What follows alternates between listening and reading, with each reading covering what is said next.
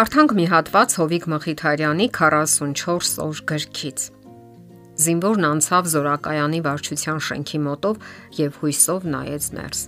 Դուրս կգար նոր այժն այնտեղից։ Մի քանի անգամ անցավ շենքի կողքով։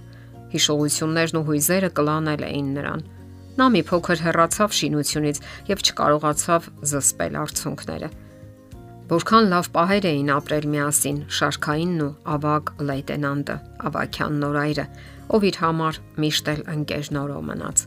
Ընկերական էր իր հետ։ Սպայի ու զինվորի հարաբերություններ չէին կարծես։ Իրեն տեսնելիս անպայման կանգնելու էր ու մի լավ բան ասեր։ Այս սատարումն անհրաժեշտ էր իրեն հատկապես զինծառայության առաջիկա ամիսներին։ Զինվորը հիանալի գիտեր, որ ավակյան նորայրն այլևս չի անցնելու այդ տեղով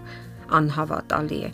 Նա չի մտնելու եւ դուրս չի գալու այդ դռնով։ Տշնամու կրակոցը գտավ նրան եւ այնուամենայնիվ զինվորը դեռ քանի անգամ է անցնելու շենքի մոտով եւ անհասկանալի հույսով նայելու է ներս։ Դուրս չի գալիս արդյոք ընկեր նորոն եւ միշտ ամփոփող կերպով անցնելու է շենքի հետևն ու չի կարողանալու զսպել տղամարդկային ջերմ այտեր նայրող արցունքները տղամարդու հույզեր, գուցե անսովոր եւ միաժամանակ հակասական։ Մեզ մանկուց սովորեցնում են, որ տղամարդիկ հույզեր չունեն, իսկ եթե նույնիսկ ունեն էլ, ապա տղամարդուն չի սազում լացել։ Այդպես է ընդունված։ Չէ որ տղամարդիկ ուժեղ են, իսկ ուժեղները չեն լացում։ Նրանք զսպում են իրենց հույզերը եւ չեն արտահայտում, բայց չգիտես ինչու մեզ շարունակ սովորեցնում են, որ գորալը, բարկանալը եւ անգամ հայհոյելը սազում է տղամարդուն կարելի է, որովհետեւ դա արդեն տղամարդկային է եւ նույնիսկ խրախուսվում է։ Մեր աշխարհում այն գաղափարախոսությունն է, որ խփել նույնիսկ կարելի է երբեմն, հատկապես եթե քո դիմաց քեզանից ավելի թույլն է։ Բարերով իհարկե գեղեցիկ ձևակերպումներ են անում, սակայն կյանքում ուժեղը փորձում է լափել թույլին։ Եվ ահա այսպես հասարակություն է մտնում խեղված պատկերացումներով տղամարդը։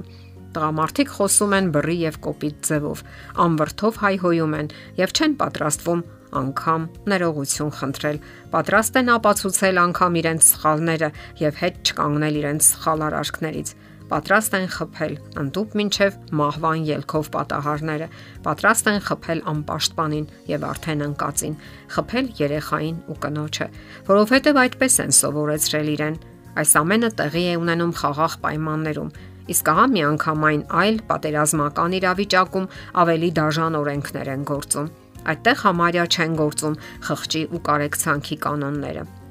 Մեզ սովորեցրել են, որ արցունքներն ու հուզվելն անհամատեղելի են տղամարդկային արժանապատվության համար։ Նրանք կարող են ընդհանրապես թեթևակի հուզվել, թրջել աչքերի ծայրերը թաղումների ժամանակ կամ էլ միգուցե ուժեղ ցավի ժամանակ։ Ընդհանրապես Արդյունքում այս տրամաբանությունը գործում է թե հասարակական կյանքում եւ թե ընտանիքում եւ նման անհոգի տղամարդիկ դառնում են հիմնախնդիր թե իրենց ընտանիքում եւ թե հասարակության մեջ ընդհանրապես։ Մեր հասարակության ողբերգությունն այն է, որ այսօր չի խրախուսվում տղամարդկային հուզականությունը։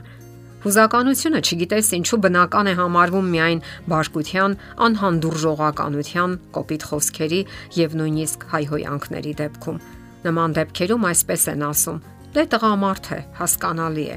Սակայն պետք է ասել, որ բոլորովին էլ հասկանալի չէ։ Հասկանալի կլիներ, Եթե բացասական դրսևորումներից հետո կողմերից յուրաքանչյուրը կարողանար ընդունել իր սխալները եւ པարզ ու որոշակի ընդունելով ներողություն խնդրեր։ Կյանքում սխալվում են բոլորը, սակայն ահա քչերն են ընդունում իրենց սխալները։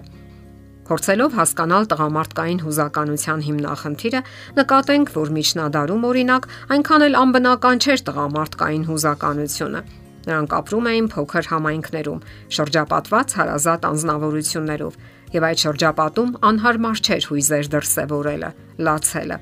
Սակայն այսպես կոչված քաղաքակրթությունը իր հետ բերեց նաև բացասական հետևանքներ։ 18-ից 20-րդ դարերում թափ առավ քաղաքակրթությունն ու քաղաքաշինությունը։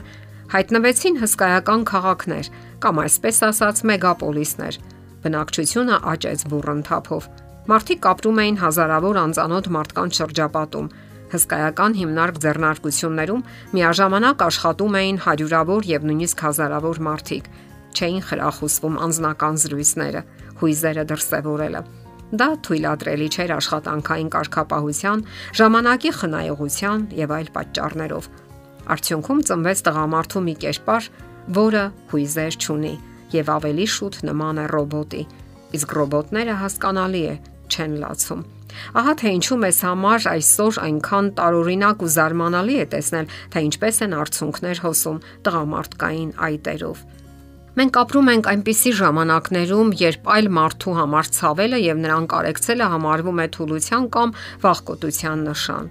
Ոչ հազվադեպ այն ծաղրի է արժանանում։ Մեկ անգամ եւս հիշենք մեր պատմության հերոսին 19-ամյա զինվորին, ով սիրելի սպայի համար կարող էր լացել եւ չամաչել իր արցունքների համար։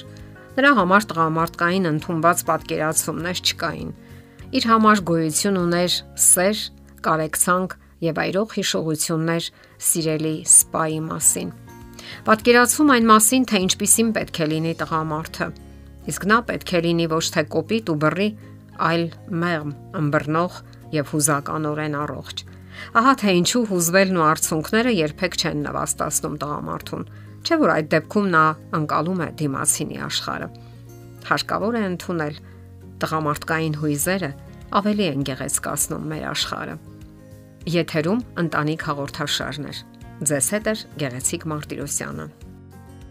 Հարցերի եւ առաջարկությունների համար զանգահարել 033 87 87 87 հեռախոսահամարով։